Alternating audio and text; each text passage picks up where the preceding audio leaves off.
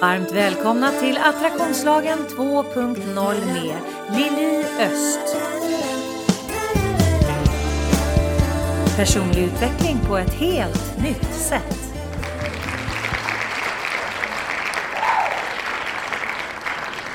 Varmt välkomna till podden. Det är onsdag och jag har ju favoritonsdagen då eftersom jag har en gäst i studion. Och den här studion är lite annorlunda än den jag brukar ha. Eller de jag har suttit i tidigare. Det här är nog den bästa. Blir det här ett väldigt, väldigt bra ljud då vet ni varför. Det är nämligen så att vi är ute i skärgården idag hos min kära kollega Michelle Dandenell. Och vi sitter i hennes walk-in closet på golvet med en micken på en trälår. Så här är vi! Så här, så här eh, flashigt är det våra poddare.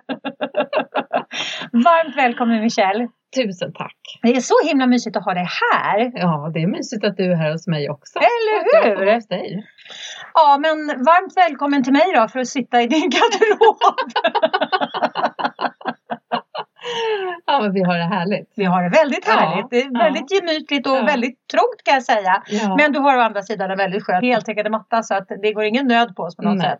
Nej. Men du, idag hade vi ju tänkt att prata lite grann om Futurebook. Mm. Vårat 16 veckors online-program som vi har.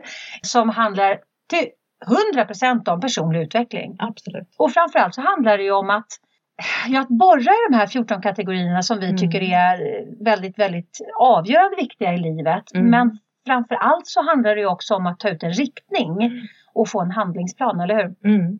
Tänka på vad det är man vill i alla de här olika kategorierna och tänka på det på lite andra infallsvinklar än man kanske är van vid skulle jag säga. Mm. Mm. Ja, det är väldigt annorlunda frågor, Mm. det kan vi ju Mm. konstatera. Och vi får ju fantastiska resultat av Mm. de som går eh, Futurebook. Mm. Vi har fått jättemånga fina referenser. Mm. Och alla säger samma sak egentligen. Jag är så glad att jag gjorde det här för att det har öppnat ögonen på mig Mm. för vad jag vill ha kvar och vad jag vill lämna Mm. och vart jag är på väg. Mm. Och det är många, jag kan tänka så här, det är många av mina klienter som inte riktigt vet vad de vill. Mm. Det är jättevanligt. Man har full koll på vad man inte vill men Mm. man har ingen aning om vad man vill. Fast det är en bra början att veta vad man inte vill också, Ja, tänker jag. För då kan man sortera. jo men precis. Om man inte fastnar där. Absolut. För men det är väldigt man inte många- göra. Absolut. Nej. men man måste ha riktigt man måste ha, liksom, tänka på sin vision. Vad är det man vill framåt? Men man kan lära sig av bakåt. Mm, Mm. absolut. Mm. Det är det här med den här metaforen att, att framrutan ska vara större än backspegeln. Mm. Mm. Och tyvärr så är det många som fastnar i, liksom, i att ha en större Mm. backspegel än en framruta. Mm. Men Futurebook skulle jag säga faktiskt gör framrutan fanns mycket större Mm. än Absolut, backspegeln. ja. Eller hur? Definitivt. Ja. Och det har ju lagt ganska mycket um, tankar kring att det verkligen ska vara transformativt. Mm. Så att man verkligen ska lära sig någonting. Och gå, när man har gjort sin Futurebook så jag skulle säga att det är ju ett levande dokument. Det är ju Mm. ingenting som man gör en gång och stoppar undan utan det här kanske man tittar i ett par gånger om året. Mm. Men att eh, man ska ändå känna att här har jag tänkt till, jag vet på ett ungefär vad jag vill i alla fall och sen gå in och justera. Men att man hela tiden kommer därifrån att man faktiskt har gjort en, en förändring. Mm. Och den är, den är så otroligt kraftfull. Mm. För att det gör ju också att man, ja, men när man... Jag tänker så här, när man jobbar med sig själv, när man känner att man levlar. Då är det ju också så att man blir modigare och modigare. Man får en större och större bild att tolka som jag brukar säga. Vilket gör att man fattar oftast mycket bättre val för sig själv Mm. och i situationer. För att man har liksom fått ett metaperspektiv. Mm. Så att man inte går f- emot sig själv hela tiden. Mm. För det är det det handlar om hela tiden att göra. Alltså våran, våran grundtanke med Futurebook är ju att hjälpa människor att skapa sig ett excellent Mm. liv eller Mm. extraordinärt liv. Mm. Med allt vad det innebär för Mm. individen. Mm. För att vårat excellenta eller mest extraordinära kan ju se ut på ett sätt och någon annans har ju en annan måttstock liksom. Absolut. Men det spelar ingen roll.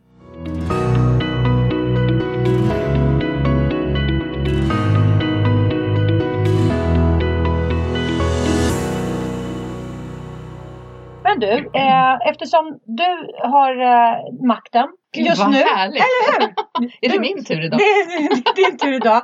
Du har makten för du har både läsglasögon och du har våra 14 kategorier uppe Yes. på, på din padda. Så kan inte du tala om för folk, vad är de här 14 kategorierna för någonting? Absolut. Och då har vi eh, den, egentligen den som är viktigast, som lägger grunden för alltihopa, det är hälsa och träning. Och eh, vi kan komma tillbaka till sen kanske hur själva Mm. systemet funkar. Men eh, det är den första och den andra är mitt intellektuella liv. Där vi pratar givetvis om, om eh, det mentala och sen har vi våra emotionella liv. Där vi pratar om känslor och hur, eh, hur vi hanterar det. Den fjärde kategorin är min karaktär. Det femte, mitt personliga varumärke. Och den är ju spännande. Där jobbar ju Ja. du eh, inte bara med personligt varumärke utan du jobbar ju överhuvudtaget med va- varumärkesbyggande. Mm, mm. Men många, Mm. många människor som är anställda tänker jag, de Mm. tänker inte riktigt på att de har ett, ett personligt varumärke att vara rädd om. Mm. För vi behöver ju Mm. vara våran bästa ambassadör oavsett Mm. ifall vi är egenföretagare, om vi driver stora företag, om vi är företagsledare eller om vi liksom jobbar på, eh, i kassan på ICA. Vi har ju ett personligt varumärke att hela tiden vara rädd om. Absolut.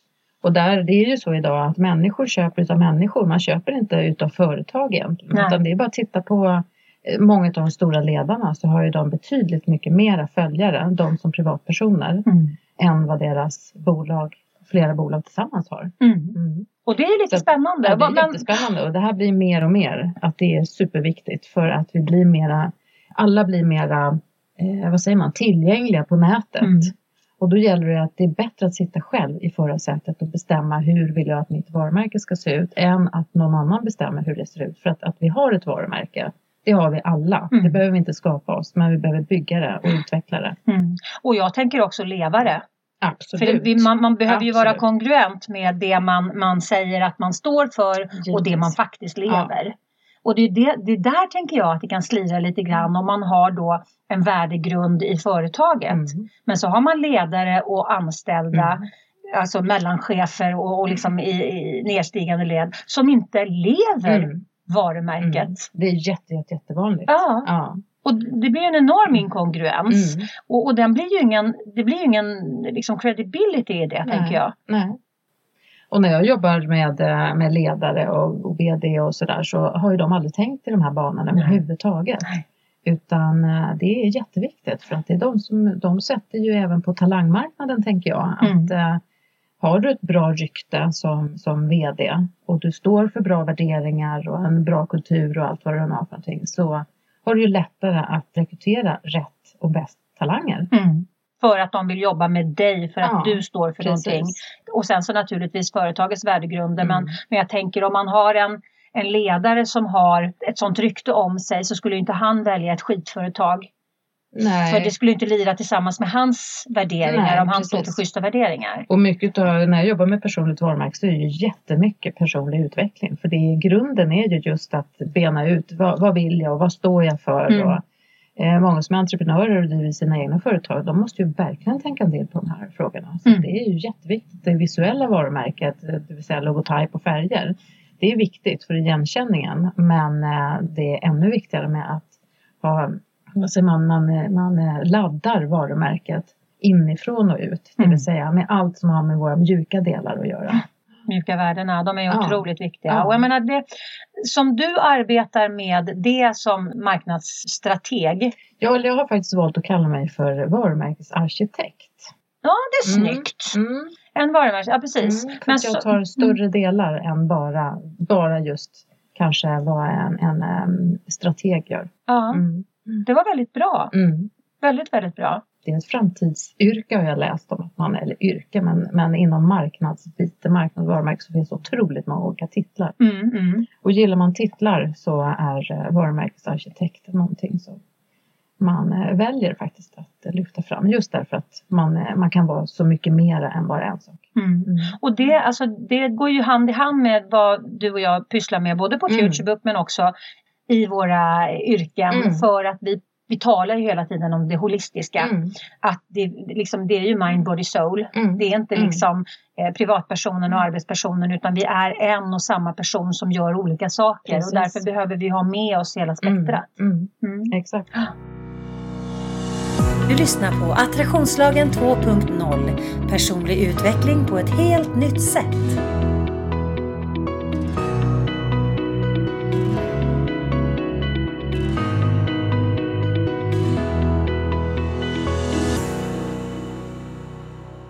Om man vi fortsätter då? ska fastna vid varumärken nu, även om det kan Ja, men det är så prata- spännande. Ja, det kan jag Det- prata om ja. länge som helst. Men, men det här är ju också spännande, nästa. Nummer sex, det är ju mitt spirituella liv. Mm. Det är väldigt spännande. Det är spännande. Mm. Och det kan skrämma skiten ur många för att man bara, de tror att spirituellt handlar om, om eh, religion och flummigt och Mm. plingplong. Men det Mm. är absolut inte utan det handlar ju om våran, alltså våran själsliga Mm. utveckling kan Vårt man säga. liv. Ja, Mm. och det, om man tittar på det ur ett kvantfysiskt perspektiv, Mm. där eh, all fast materia, det som vi uppfattar som är fast materia, Mm. är 99,9999 procent Mm. tomrum fyllt av vibrerande Mm. energi, så är den Mm. största delen av oss, Mm. det är det vi inte ser, alltså den spirituella delen. Så det är ju verkligen en, eh, en kategori att höja. Absolut, och den är jätteviktig. Mm. Eh, och den skulle jag säga blir bara viktigare och viktigare Mm. för att vi håller på att tappa någonting. Mm. Eh, den här connection med vad som är viktigt och inte. Mm. Mm. Nästa då, eh, nummer sju, är mitt sociala liv. Och eh, det tänkte jag att det kanske vi kunde prata lite om sen. Absolut. Mm. Och relationer. Och Precis. samtalet vill vi ju Precis. prata om idag, Precis. för det har ju verkligen det, det förlorade samtalet. Mm. Mm. Det är spännande. Det är en cliffhanger. Det är en cliffhanger. och sen nummer åtta, mitt kärleksliv. Ja, det är ju också intressant. Mm. Väldigt intressant. Ja. Just nu inte så aktivt i mitt liv. Men det är intressant. Kärleksliv kan man ha på flera plan. Absolut. Ja, det måste inte alltid vara med en partner. True there. Precis. Och nummer nio är mitt föräldraskap. Mm. Det är också spännande. Jag ska ju bli både mormor och farmor nu så jag får ju är, verkligen helt, en du är så gammal. Ja, jag är så gammal. Jag har levt länge. Du har levt väldigt länge. Och det Ja. konstiga är att jag har levt längre än du. Men jag har inga, mig veterligen, Nej. på gång innan i alla fall. Men det, det, det får nog vänta några år hoppas jag. Hör ni barn? Och jag väntar på mina så välkomna. Jaha.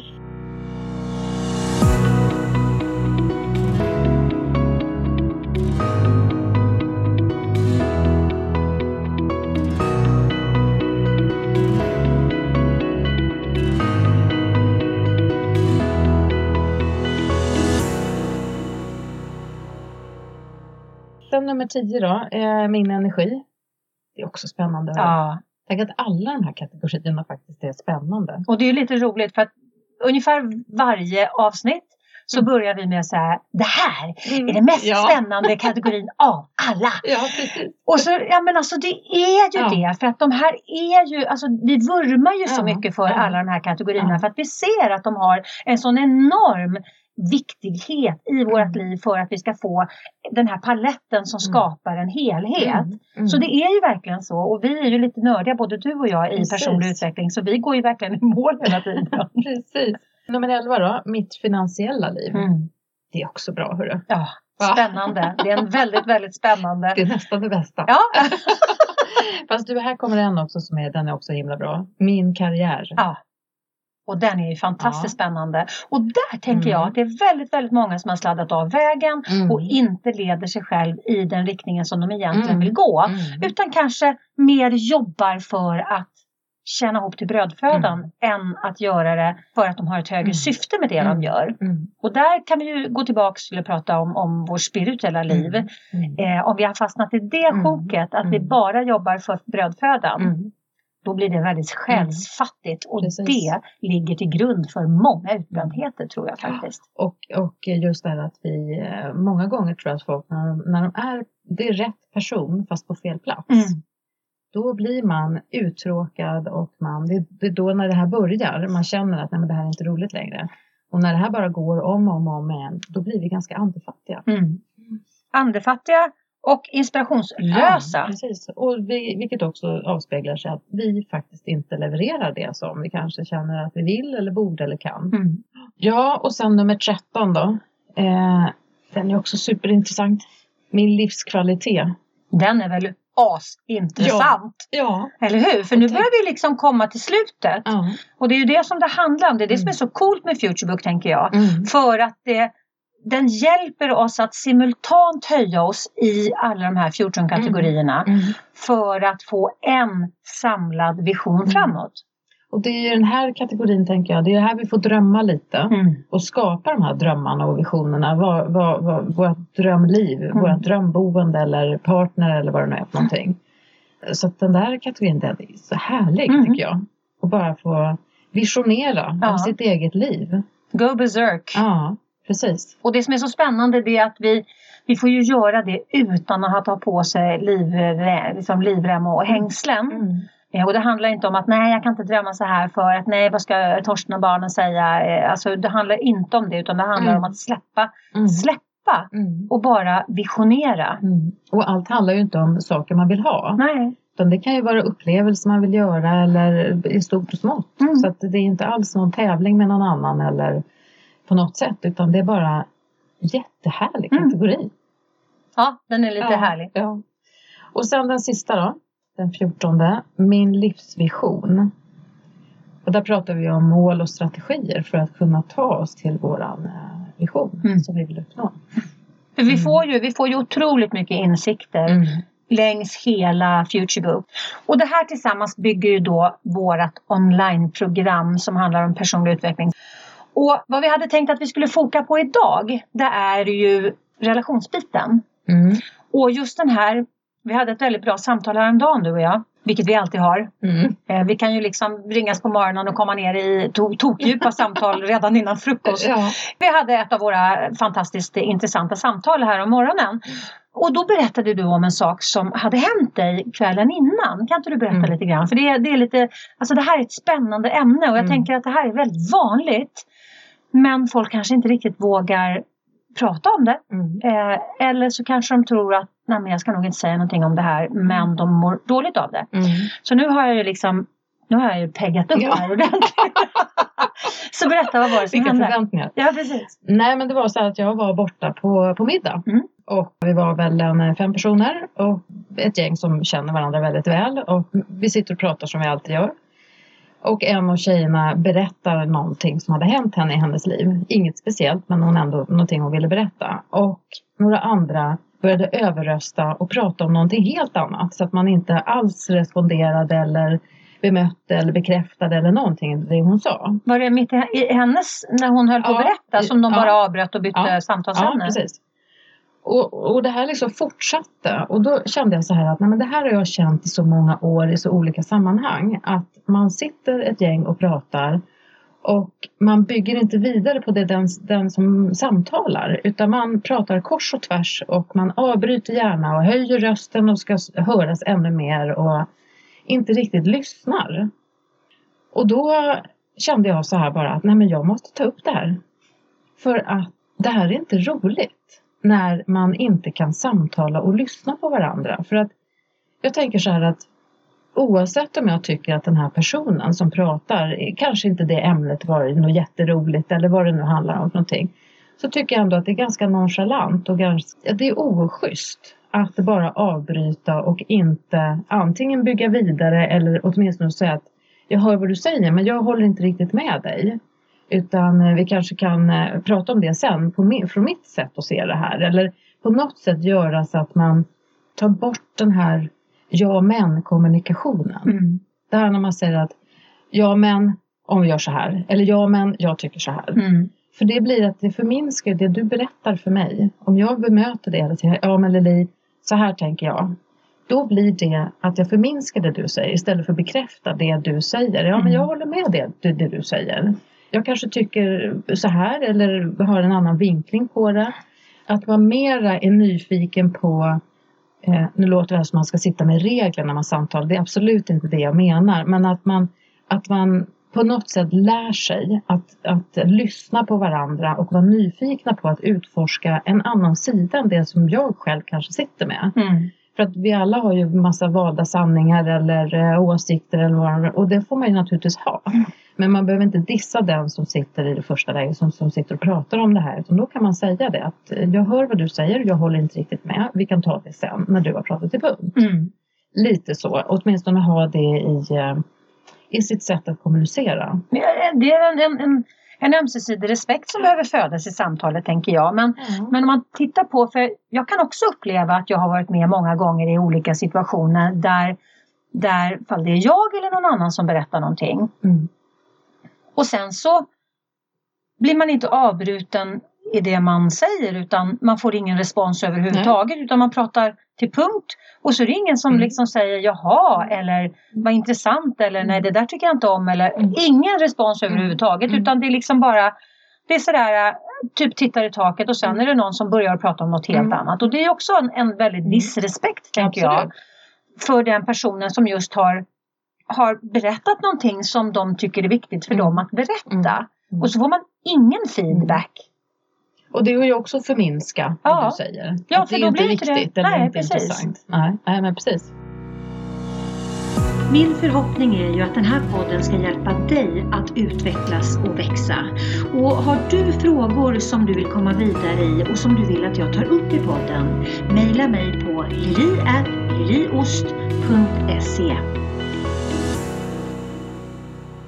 För många år sedan så jobbade jag som marknadschef på ett företag med massor med psykologer. Och för att jag skulle förstå deras sätt att kommunicera, har man pratat med ett gäng psykologer så vet man att de pratar inte som vi andra. De går själva en utbildning i speciell kommunikationsmodell. Mm. Och då fick jag hänga med på den här och det var otroligt intressant. Vi var 50-60 pers som satt, i den här, som satt i ring. Och allting går ut på att man ska, man ska lära sig att lyssna och utforska och fördjupa och, och hitta liksom andra nyanser på samtalsämnet. Så att just i den här, eftersom det här var en form av träning så var det ju väldigt uppstyrt att, att lärarna hade hittat ett, eh, ett ämne vi skulle prata kring. Och då började hon och sen så var det någon annan som fick hänga på. Och då menar man med att hänga på menar man med att bygga vidare. Alternativt säga då att eh, jag håller inte riktigt med. Men jag kan hålla på det en stund tills vi andra har fått prata klart om det här ämnet. Så att alla blir lyssnade på och alla får ha en, eh, säga sin mening. Mm. Sen när det ämnet är liksom lite uttömt, då kan ju den här personen säga, "Ja, men är det okej om jag liksom kör min grej nu? Och så sagt då, det här är inte riktigt så det går till i verkliga livet om man inte sitter i ett möte eller den här formen som just de här Mm. psykologerna jobbar. Men, men eh, det är väldigt intressant att sitta och prata med människor när man har, har kanske berättat om det här sättet att tänka bara, tänk bygga, det kan räcka med det. Mm. Eller att man eh, eh, om, omformulerar det som du sa, att, fast gör det till mitt så att det ändå blir en dialog som Mm. vi har utifrån vårt e- egna perspektiv. Och det är otroligt eh, intressant. Och, och när jag kom hem då här natten efter det här så, så tänkte jag på det här många gånger att eh, man kan ju känna sig lite präktig när man säger att man gillar att samtala för att man tror alltid att det måste vara djupa samtal. Men man kan ju sitta och prata om en målarfärg eller vad som helst men det är fortfarande ett samtal. Mm. Och då, då tänkte jag så här att nej men, jag tror att vi i samhället vi har förlorat den här förmågan, eller inte förmågan kanske, men viljan till att samtala. Mm. För att vi alla ska armbåga oss fram och bara göra oss hörda. Det är en sak att, att ha en dialog och en helt annan femma att ha som utgångspunkt att man vill landa väl. Ja, jag tror inte att någon egentligen, de, det är ju inte så att de sitter och tänker så här att nu ska jag göra min röst hörd och jag kommer göra vad som helst bara, bara jag får skrika ut det jag vill. nej, nej. nej. Men jag tror att man, man bara man, man tänker eller man agerar på autopiloten Mm. för att man är van, man ska skrika i skolan och man ska skrika högst där och allt för någonting. Och jag blir ju snarare tvärtom. Va? Så att jag, när folk håller på så här, då sätter jag mig på läktaren och tittar på. Mm. Och då, jag- då deltar man inte i samtalet. Nej, precis. Men jag känner ju då att nej, men, för mig är det inte så viktigt att, att jag måste, om det inte är någonting jätteviktigt självklart, men, men eh, eh, för mig är det inte jätteviktigt att stå och skrika ut vad jag tycker och tänker. Om det inte är väldigt viktigt ämne såklart. Mm, mm. Men jag tycker inte att det, det är inget trevligt klimat. Det är mera så. Mm. Och om jag tittar på det ur ett energiperspektiv, för det här är Mm. väldigt intressant Mm. att titta på det. För att Mm. Bara den saken som vi pratade om från början när du berättade din känsla av Mm. det här med att man känner sig förminskad, Mm. att man känner sig inte lyssnad på, Mm. att man känner sig oviktig och så vidare. Om jag tittar på det ur ett energiperspektiv där, Mm. där attraktionslagen jobbar med våran Mm. känsla av. Då sitter man ju och är- och blir otroligt Mm. lågfrekvent i en egentligen social situation som skulle vara lyftande. Och det här tänker jag, det har jag också varit med om Mm. och precis som du var här om kvällen och jag kan tänka mig att många av er där ute som, som lyssnar har varit med om samma situation när man kommer hem och känner Fan vad som hände egentligen? Varför Mm. har jag sån liksom, olustig känsla i Mm. kroppen Mm. eller jag känner mig ledsen när jag Mm. kommer hem. Mm. Man kanske inte själv är medveten om för att det här är så det är så vedertaget och kommer få Mm. att jobba på det här sättet i Mm. våran dialog Mm. vi människor. Mm. Eh, att vi liksom överröstar och bröstar oss fram och liksom armbågar oss Mm. fram och, och skriker högst och så vidare. Mm. Så att vi har tappat lite reflektionen över vad det egentligen genererar. Mm. Och, och det kan ju vara då om man kommer hem till exempel ifrån något socialt eh, sammanhang och kommer hem och känner sig ja, men lite ledsen och lite Mm. överkörd för att man Mm. inte riktigt vet. Ja, men egentligen var det väl Mm. trevligt men jag känner mig så lite så dålig smak i Mm. munnen. Om man då tittar igenom då kan det ju vara, även om inte jag har varit den som har varit utsatt, så kan det ju ha varit så att jag har iakttagit att många av de Mm. andra har blivit förminskade Mm. konsekvent genom, genom hela kvällen av någon eller några eller de flesta i gänget att de gör det med varandra. Mm. Och om jag då har på mig ett par andra glasögon då snappar jag ju upp det här. Ja, och är man som du och jag som är lite inkännande Mm. och, och liksom har, känner av vibbar och sådär så det, det här, det som jag berättar om nu, det var inget liksom speciellt just precis den här kvällen eller att någon var utsatt för någonting utan det var mer min känsla av att inse att men så här är det Mm. på väldigt många ställen. Mm. Och, och som sagt, både du och jag fångar ju upp hur andra människor känner. Och jag kan bli helt slut Mm. av, av att det här pågår i rummet. Även om det inte alls är riktat mot mig. Men jag kan sätta mig lika mycket på läktaren ändå för att jag vill inte delta i det där. Mm. Jag känner att jag blir, så, jag blir så dränerad av att vara i miljön. Mm. Eller delta i, det, i, i den här kulturen eller vad vi ska Mm. kalla det för. Mm. Jag tror också att barn och ungdomar, typ, alltså vi, vi, vi samtalar inte längre. Nej. Och vi, vi är äldre, så vi borde fasen införa lägerelden igen egentligen. Ja, men så. eller hur? Mm. Mm. Vi har ju faktiskt suttit vid din lägereld idag i alla fall, eller öppna spis i alla fall. och samtalat. Ja, precis. Framför brasan. En riktig Precis, brasa. ja gud så härligt. Vill du ha hjälp att titta på de 14 viktigaste livskategorierna på djupet? Få hjälp att verbalisera dina drömmar och visioner och få dem på pränt? Få hjälp att skapa strategier och sätta smarta mål för att inte bara ta dig dit utan även leva dina mål. Då är Futurebook någonting för dig. Futurebook är ett 16 veckors online personutvecklingssystem som hjälper vanliga människor att skapa ovanliga resultat. Läs mer på futurebook.se. Några dagar innan alla hjärtans dag så skrev eh, min son Tim ett sms och frågade Mamma kan inte du och jag hänga på Valentine? Och jag hade egentligen bokat med en väninna men jag kände så här, nej men när, när min son vill Mm. hänga med sin mamma en fredag på Valentin då är det, då är det viktigt. Ja. Så då eh, bokade jag av min väninna som hade full förståelse för hon har också barn. Mm. Och Tim kom hem till mig och vi lagade mat och vi tog ett glas vin. Han är ju nu, han fyller ju 25 i år så att Mm. nu liksom, man hänger ju med ungarna på ett Ja. annat sätt idag. Det är Ja. supermysigt. Och han lagade mat till mig, lagade världens godaste carbonara och han Ja. tycker det är så kul att vara i köket. Ja. Men vi satt verkligen och samtalade. Mm. Det var så mysigt. Mm. Och, och Nattis, eh, mitt andra barn, hon var ju med sin kille i London så att det var bara jag och Tim. Mm. Och det, det är inte så ofta som det är bara liksom, han har ju flyttat hemifrån, Nathalie Mm. bor ju hemma så det är oftare att vi har värdefulla stunder Mm. när båda är hemma. Mm. Eh, Men, men Tim måste vi, vi måste ju göra ett liksom, aktivt val att träffas hela tiden. Mm. Och vi, vi träffas men, men det blir inte lika mycket som när han bodde hemma. Men just det här goda samtalet. Mm. Och sen så tittade vi på eh, The Goop Lab. Ja. Som, ja, men det, är, så- det är så Ja, det är spännande. så Det är helt himla bra. galet spännande. Ja. Och, eh, så vi tittade på två avsnitt av Goop Mm. Lab. Som ett som handlade om energi och ett som handlade om mind over matter. Mm. Och han är lite intresserad av kallbad och vad som händer med hjärnan och allt Mm. sånt där. Så att det blev så coolt för vi tittade på de här två avsnitten. Eller vi tittade på det första, sen satt vi och samtalade om Ja. det. Ja. Och sen tittade vi på det andra så satt vi och samtalade om det Ja. och reflex- eller liksom reflekterade Reflektera, över det här. Och det var sånt skönt, det var sånt skönt eh, Mm. samtal och Mm. vi hade en sån fantastisk kväll Mm. jag och Tim. Mm. Men det var verkligen sådär, vi, vi satt i det goda samtalet Mm, mm. och han öppnade sig och berättade, jag Mm. öppnade mig och berättade. Och man möter varandra, Mm. när man är intresserad av att lyssna på varandra, Mm. då blir det en helt annan, Mm. ett helt annat klimat, Mm. ett helt annat Ja men visst, samtal. visst är det så.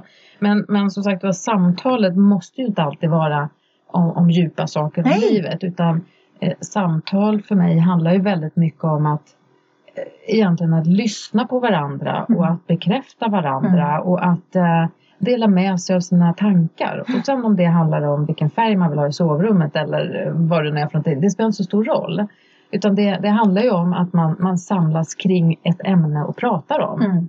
Och som sagt vad det är spelar inte så himla stor roll.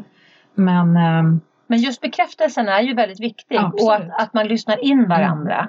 och det kan ju räcka med bekräftelse kan räcka med ett mm, Mm. eller ja jag håller med eller man nickar eller vad man nu gör för någonting. Det behöver inte vara några stora grejer. Men att man har det, den utgångspunkten i alla fall. Mm. Mm.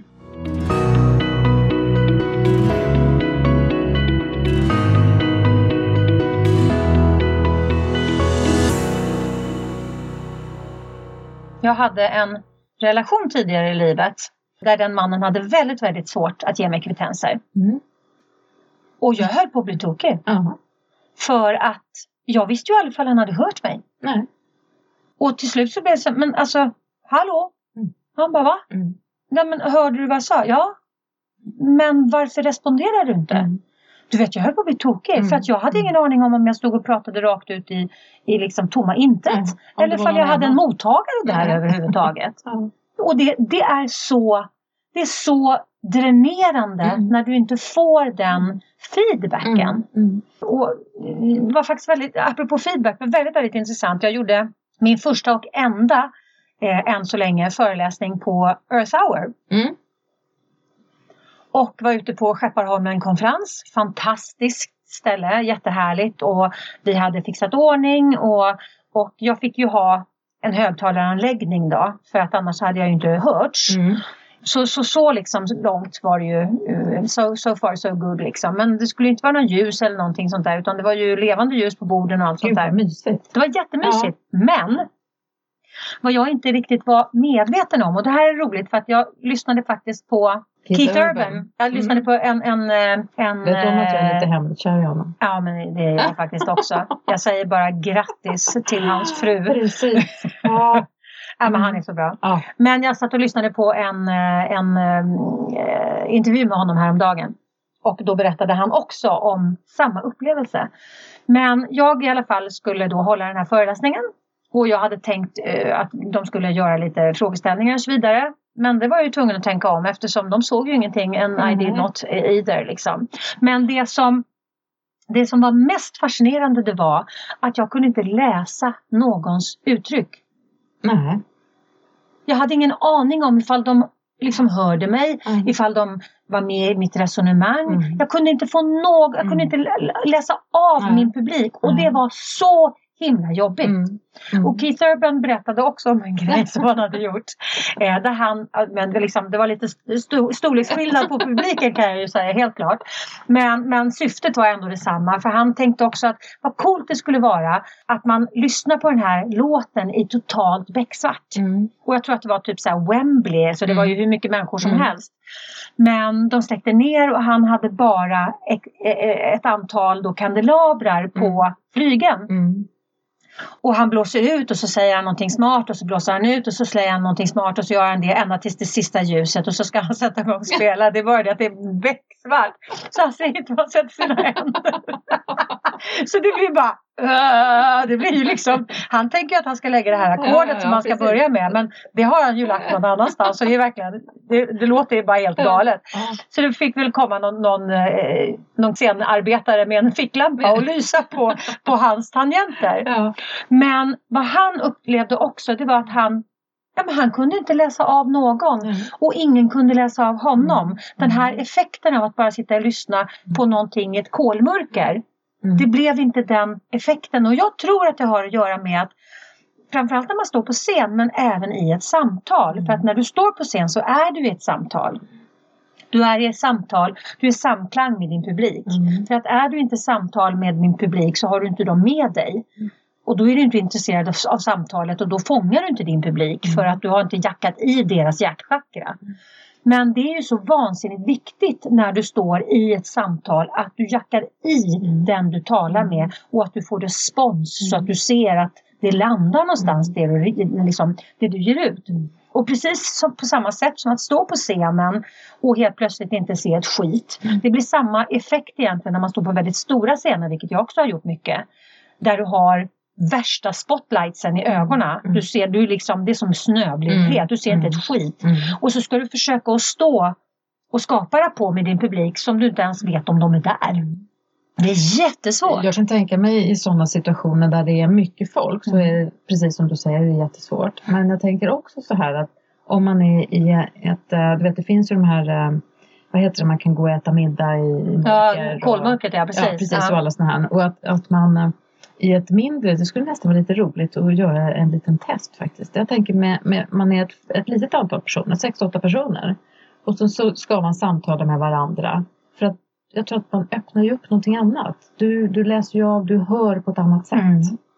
Så att, ja, jag vet inte men, men äh, Det skulle vara intressant att se ifall man skulle avbryta varandra Ja. mer. ja, För att man det. inte liksom ser när personen, eller ifall man hör när folk drar efter andan. Så att, eller ifall man kanske skulle bli mer vänlig och Jag fråga. tror att man blir vän med Eh, det här håller inte det här för vi liksom kan inte Mm. avläsa. Så att berätta när du är klar. mm. Alltså så att det blev en tydligare Mm. dialog. Mm. Jag tror det skulle vara jättespännande. Ja, Bara som ett litet experiment. eller hur? Ja. Jag tänker så här, det kanske är så att vi ska spela in en podd Ja. Ja. Jag har faktiskt en, en, en tjej som är synskadad i samma förening, Ja. ja. talarförening som jag. Mm. Och hon, vi har pratat om att hon ska vara en gäst i Mm. min podd och hon driver ju själv en podd. Mm. Och för henne är det ju Mm. i mörkret Mm. eftersom hon är synskadad. Mm. Men det blir en delad upplevelse för Mm. den som då får sitta och samtala Mm. också i mörker. Mm. Så det blir ju, man behöver ju ver- verkligen skärpa till andra sinnen. Men jag, Mm. jag, jag tänker att det är väldigt viktigt att vi känner att det vi säger landar. Ja, precis. Sen behöver det inte alltid landa bra. Det kan ju vara så här, nej jag håller inte med dig. Nej, men, så- att man får en feedback Ja. på att man överhuvudtaget har öppnat munnen Mm. och sagt någonting. Mm. Mm. För det är ju Mm. den som är det är den som är så jobbig. Mm. När man inte får bekräftelse på att man är hörd. Du lyssnar på Attraktionslagen 2.0 Personlig utveckling på ett helt nytt sätt.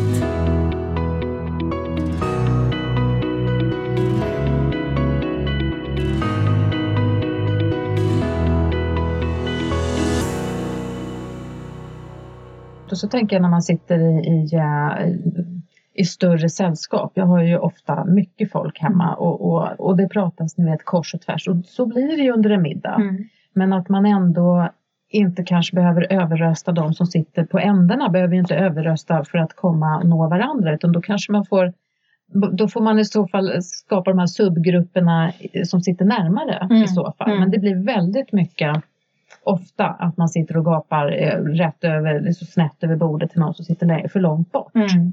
Och det blir, det blir både jobbigt, man blir helt trött och man hänger ju inte med på någon egentligen vad, vad, vad de pratar om. Nej. Så det är ganska, det är lite sådär oförskämt sätt att prata skulle jag säga. Ja, och, Mm. vad är din tes? Liksom? Vad tror du ligger till grund för att det är det här som vi har utvecklat? Nej men jag tror att det är lite grann som, som vi pratade om förut att man idag ska man armbåga sig fram för att man ska synas och man ska höras. Det finns inga nyanser. Vi har kanske inte lärt oss från våra, alltså från våran uppväxt har vi inte fått lära oss att samtala utan det är mera tv, eh, det är nu i iPads, det är datorer och alltihopa. Vi lär oss inte att samtala eller att Mm. samverka med andra utan vi sitter med de här avatarerna som spelar olika spel och allt vad det är för någonting. Det, det finns inget, jag, mig veterligen så finns det inget samtalsspel i alla fall som ungdomarna sitter och spelar. Nej.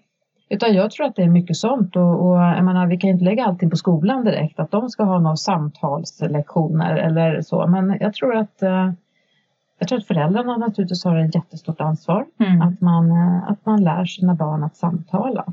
Och sen att vi överhuvudtaget, vi vuxna, tar tillbaka samtalet. Mm. Det är lite jakten på det försvunna samtalet faktiskt. Mm, mm. Men jag tror att det är, jag älskar ju digitaliseringen eh, men eh, jag tror att vi behöver ta tillbaka det som är, är det som vi har förlorat eh, utav det goda värdet. Mm. Det vill säga lägerelds... Nu, nu är ju det en metafor, men, men lite så. Mm. Och vi pratade ju då när jag ringde dig i förtvivlan här i lördags morse och kände bara, nej men gud jag måste prata med Lidiva, är det bara jag som tänker fel? Prata om vi just faktiskt skulle ha en sån. Mm. Eh, bjuda in till en sån träff när vi är bara några stycken. Just för att samtala kring ett speciellt ämne. Och öva på det och, och se vad som händer i det Mm. goda samtalet. Mm. För att om man har det som utgångspunkt, Mm. vi kanske kan inspirera andra Mm. och, liksom, Mm. och, och skapa era samtalsgrupper. Eh, om man har som utgångspunkt att, att vi ska lyssna på varandra, inte Mm. bara höra varandra. Exakt. För att Det är en väldig skillnad. en enorm skillnad är det. Och, och, och vilja lyssna. Mm. Vara intresserad och Mm. nyfiken. Mm. Det betyder inte att man behöver hålla med. Mm. Men det betyder att jag tycker att du är så intressant som människa så jag vill gärna lyssna Mm. på Mm. vad du, hur du ser på livet. Och sen vill jag gärna berätta för dig hur jag ser det. Men, men jag vill lyssna klart på dig först. Och jag tänker så här att om, om vi skulle hitta på att eh, du och jag skulle åka utomlands och du vill åka till Paris och jag vill åka till Mallis. Och så ska vi sitta och hålla på och ja men du då och, och så här och du vet man hamnar i någon sån här form av kanske inte konflikt men åtminstone ett oliktänk där man eh, vill nu brukar det inte vara så mellan oss men om vi bara tar det som en metafor att, att eh, man ska försöka övervinna en andra till att komma på min sida. Eh, och att man istället, men okej Lili, nu pratar vi om vad är bara fördelarna med att åka till Paris? Och sen så tar vi vad är fördelarna med att åka till, till Mallis? Mm. Och sen får man, då har man ju liksom utforskat både din utgångspunkt och min. Mm. Och sen får man därifrån i så fall titta på, så okej, vad, vad, är, vad finns det för nackdelar med det här då? Och så att man där någonstans kommer fram till, nej men det här är det som vi vill. Mm. Eller också kommer vi på att nej, men Kroatien är faktiskt det som vi vill till Ja precis. Eller vad det nu blir. Mm. Men att man, att man inte hamnar i det här dragläget hela tiden. Ja, för jag tänker att många relationer och, och parrelationer i synnerhet är ju en maktkamp. Absolut. Det handlar inte om att landa väl utan det handlar om att ha rätt. Mm. Och det blir ju liksom exhausting. Det är ju Mm. aldrig av godo. Mm. Det leder ju liksom inte till eh, Precis. några höga höjder direkt. Precis. Eh, Så att eh, det här är ett väldigt viktigt ämne och det, det var ju din, Mm. din, ditt förslag här att vi skulle ha det goda Mm. samtalet som, som eh, samtal idag Mm. i podden. Mm. Och jag tänker att bara bli väckt ur Mm. den slummer man har hamnat i. Mm. Mm. Jag kan ju också avbryta människor när jag blir äh, exalterad och, och, och så vidare. Men vårt samtal häromdagen väckte mycket insikter i mig också. Det här med att, att faktiskt bekräfta om någon, har du talat klart liksom? Mm. Att man känner efter, Mm. inte bara sitter och väntar på att de ska dra efter andan så att man själv kan bara Mm. köra på. För- det, det kan jag uppleva många gånger att ett samtal kan vara. Att Mm. man, bara, man bara väntar till den andra har Mm. pratat klart så jag får säga det jag vill säga. För att Mm. om jag sitter och, och bara är så exalterad och berättar vad jag vill säga. Mm. Då finns det inte en chans i Kapernaum att jag har lyssnat. Mm. Nej, precis. Jag, menar, jag tror att det är ju man, att avbryta, det kan ju också vara ett sätt att bekräfta. Att Mm. man liksom blir bara så här, du vet, så där som du och jag kan vara ibland, vi bara pratar högt och, och lågt och, och sådär. Och sen så kan man gå in och, och säga, ja, ja, precis, nej, men så här, eller du Mm. vet, man, man hamnar i en sån, och då handlar ju inte det om, eller handlar inte det om att eh, egentligen avbryta i syfte att, nej, nu ska vi byta ämne, nu ska vi prata om det jag vill. Nej, precis. Eller hur? Nej. Men, men, eh, mm, men jag tror att det kan ju tillföra energi till en diskussion. Att man avbryter i form av syfte att man eh, vill bekräfta. Ja, precis. Jo, men det är en helt annan Mm. sak. Men det var bra att du tydliggjorde Ja. det. Precis. Eh, men, men, Mm. men just den här grejen när, när man liksom blir helt sådär avsnoppad. Ja, precis. Och man Precis. bara, jaha, var det någon som hörde överhuvudtaget att jag sa Mm. någonting här i rummet? Mm. Ja, men precis. precis. Vi hade för många år sedan, eh, där jag, jag bor ju på en ö här ute och vi är ett helt gäng som umgås. Och eh, vi kunde ha så vilda diskussioner ibland. Så att vi fick utse en av tjejerna till eh, Eh, vad säger man? Eh, Time out. F- ja, så här, facilitator liksom. Okej. Och så fick säga, då fick man räcka upp handen till slut vem som hade någonting att säga.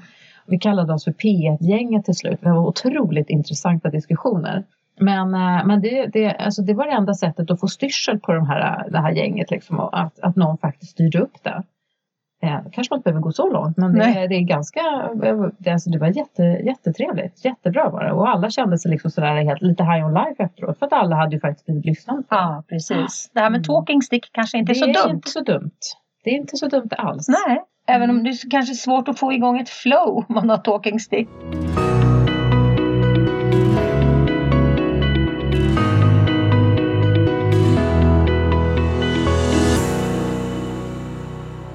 Det var ju som jag sa i början där, jag menar det här, den här utbildningen som jag gick där, det är ju inte, det är inte så här som vi sitter och pratar i, i det normala eh, samtalet Nej. eller i, i kompisgänget eller vad det är för någonting. Möten kan man absolut göra det på, men ehm, jag tror att bara om man, om man sår det här fröet Mm. och tänk på hur du gör när du kommunicerar. Så tror jag att man kommer ganska långt på det faktiskt.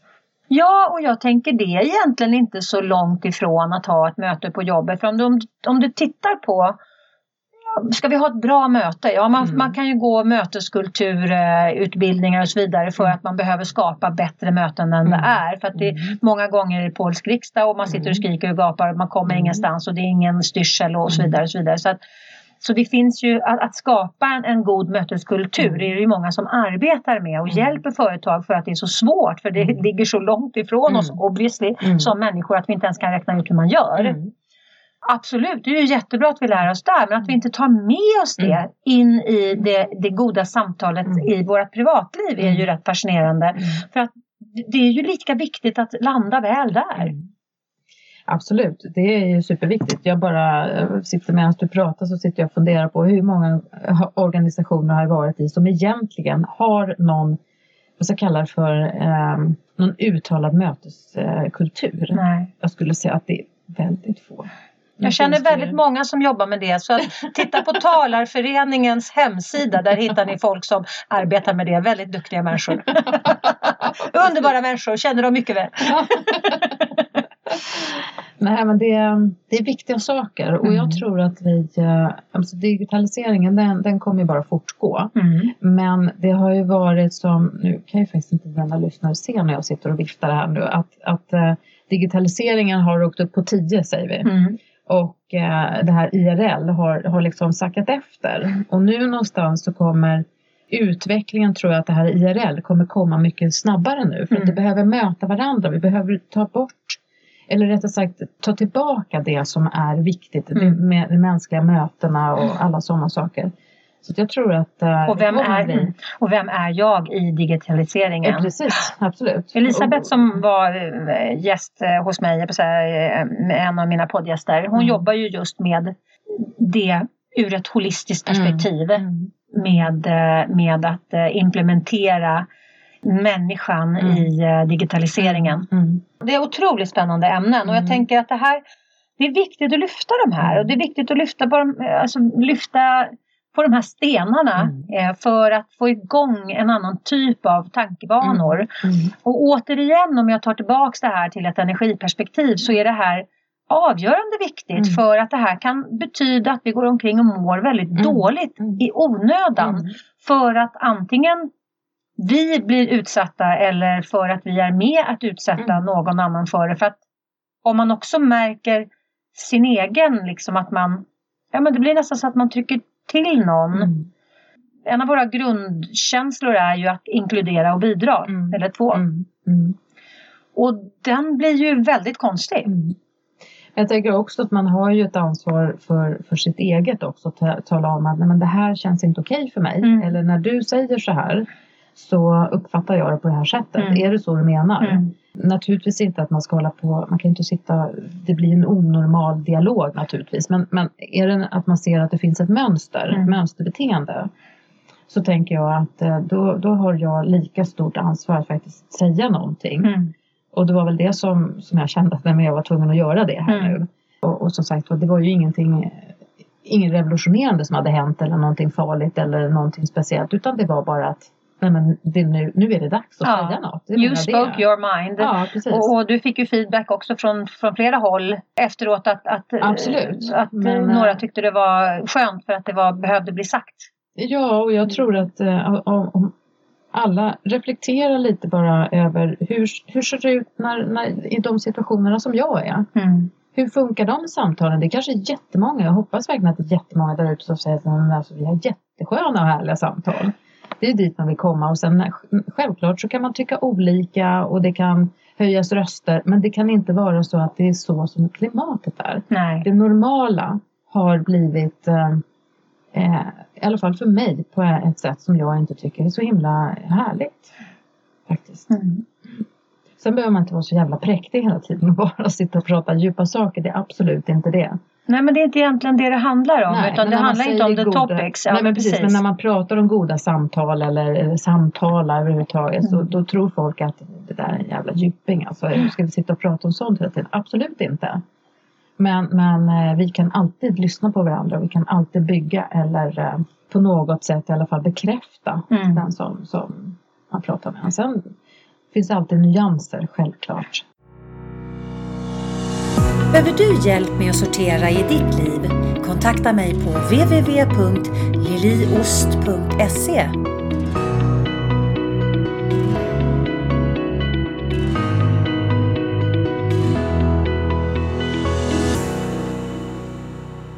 Det är samma med om man står i kassan till exempel. Mm.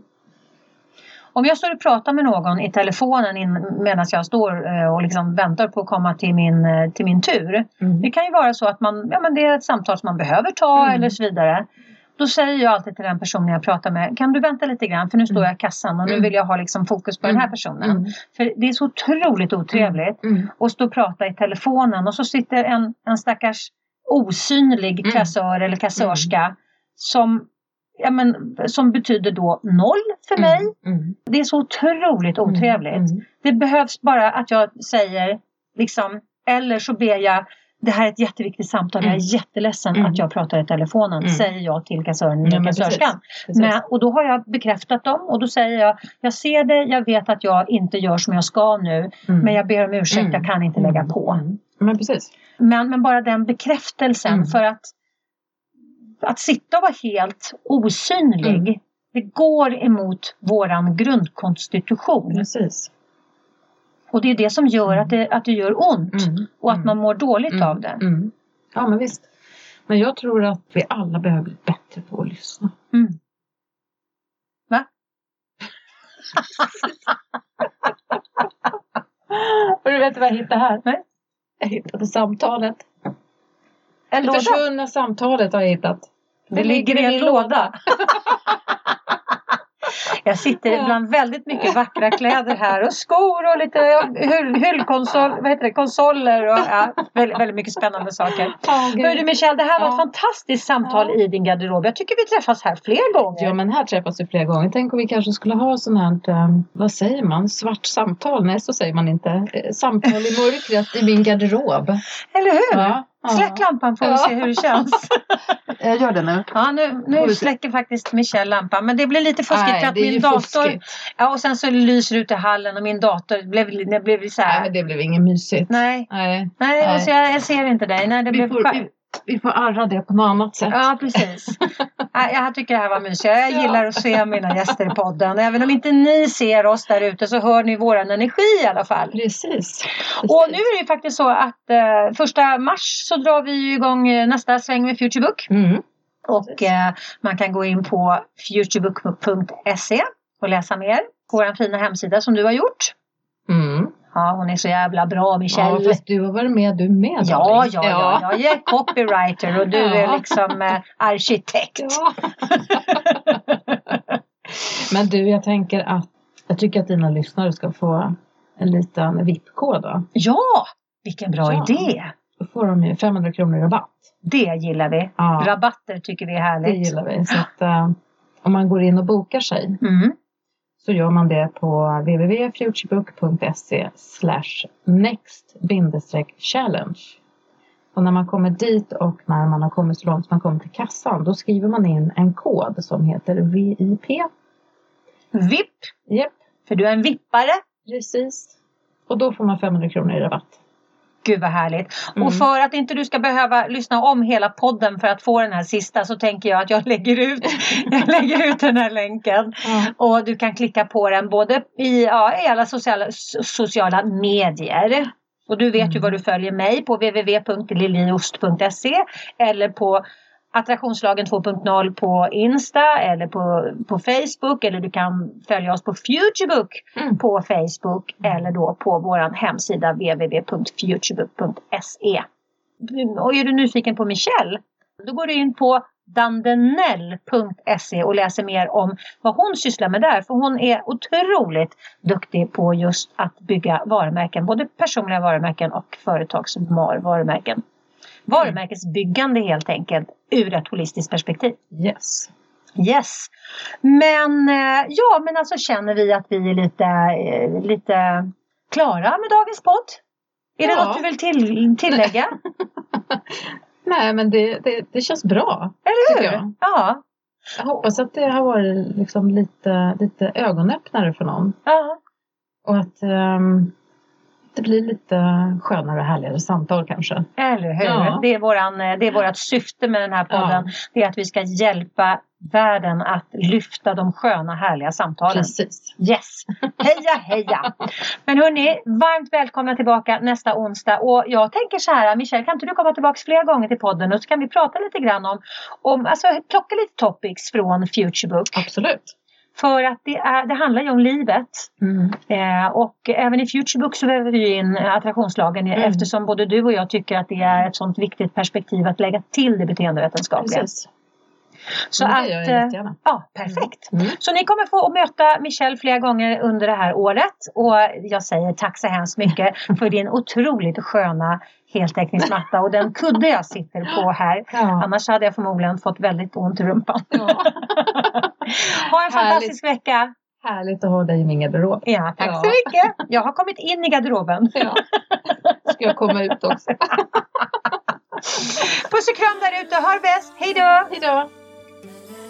Du har lyssnat till Attraktionslagen 2.0 med Lili Öst. Följ mig gärna på Facebook på Attraktionslagen 2.0.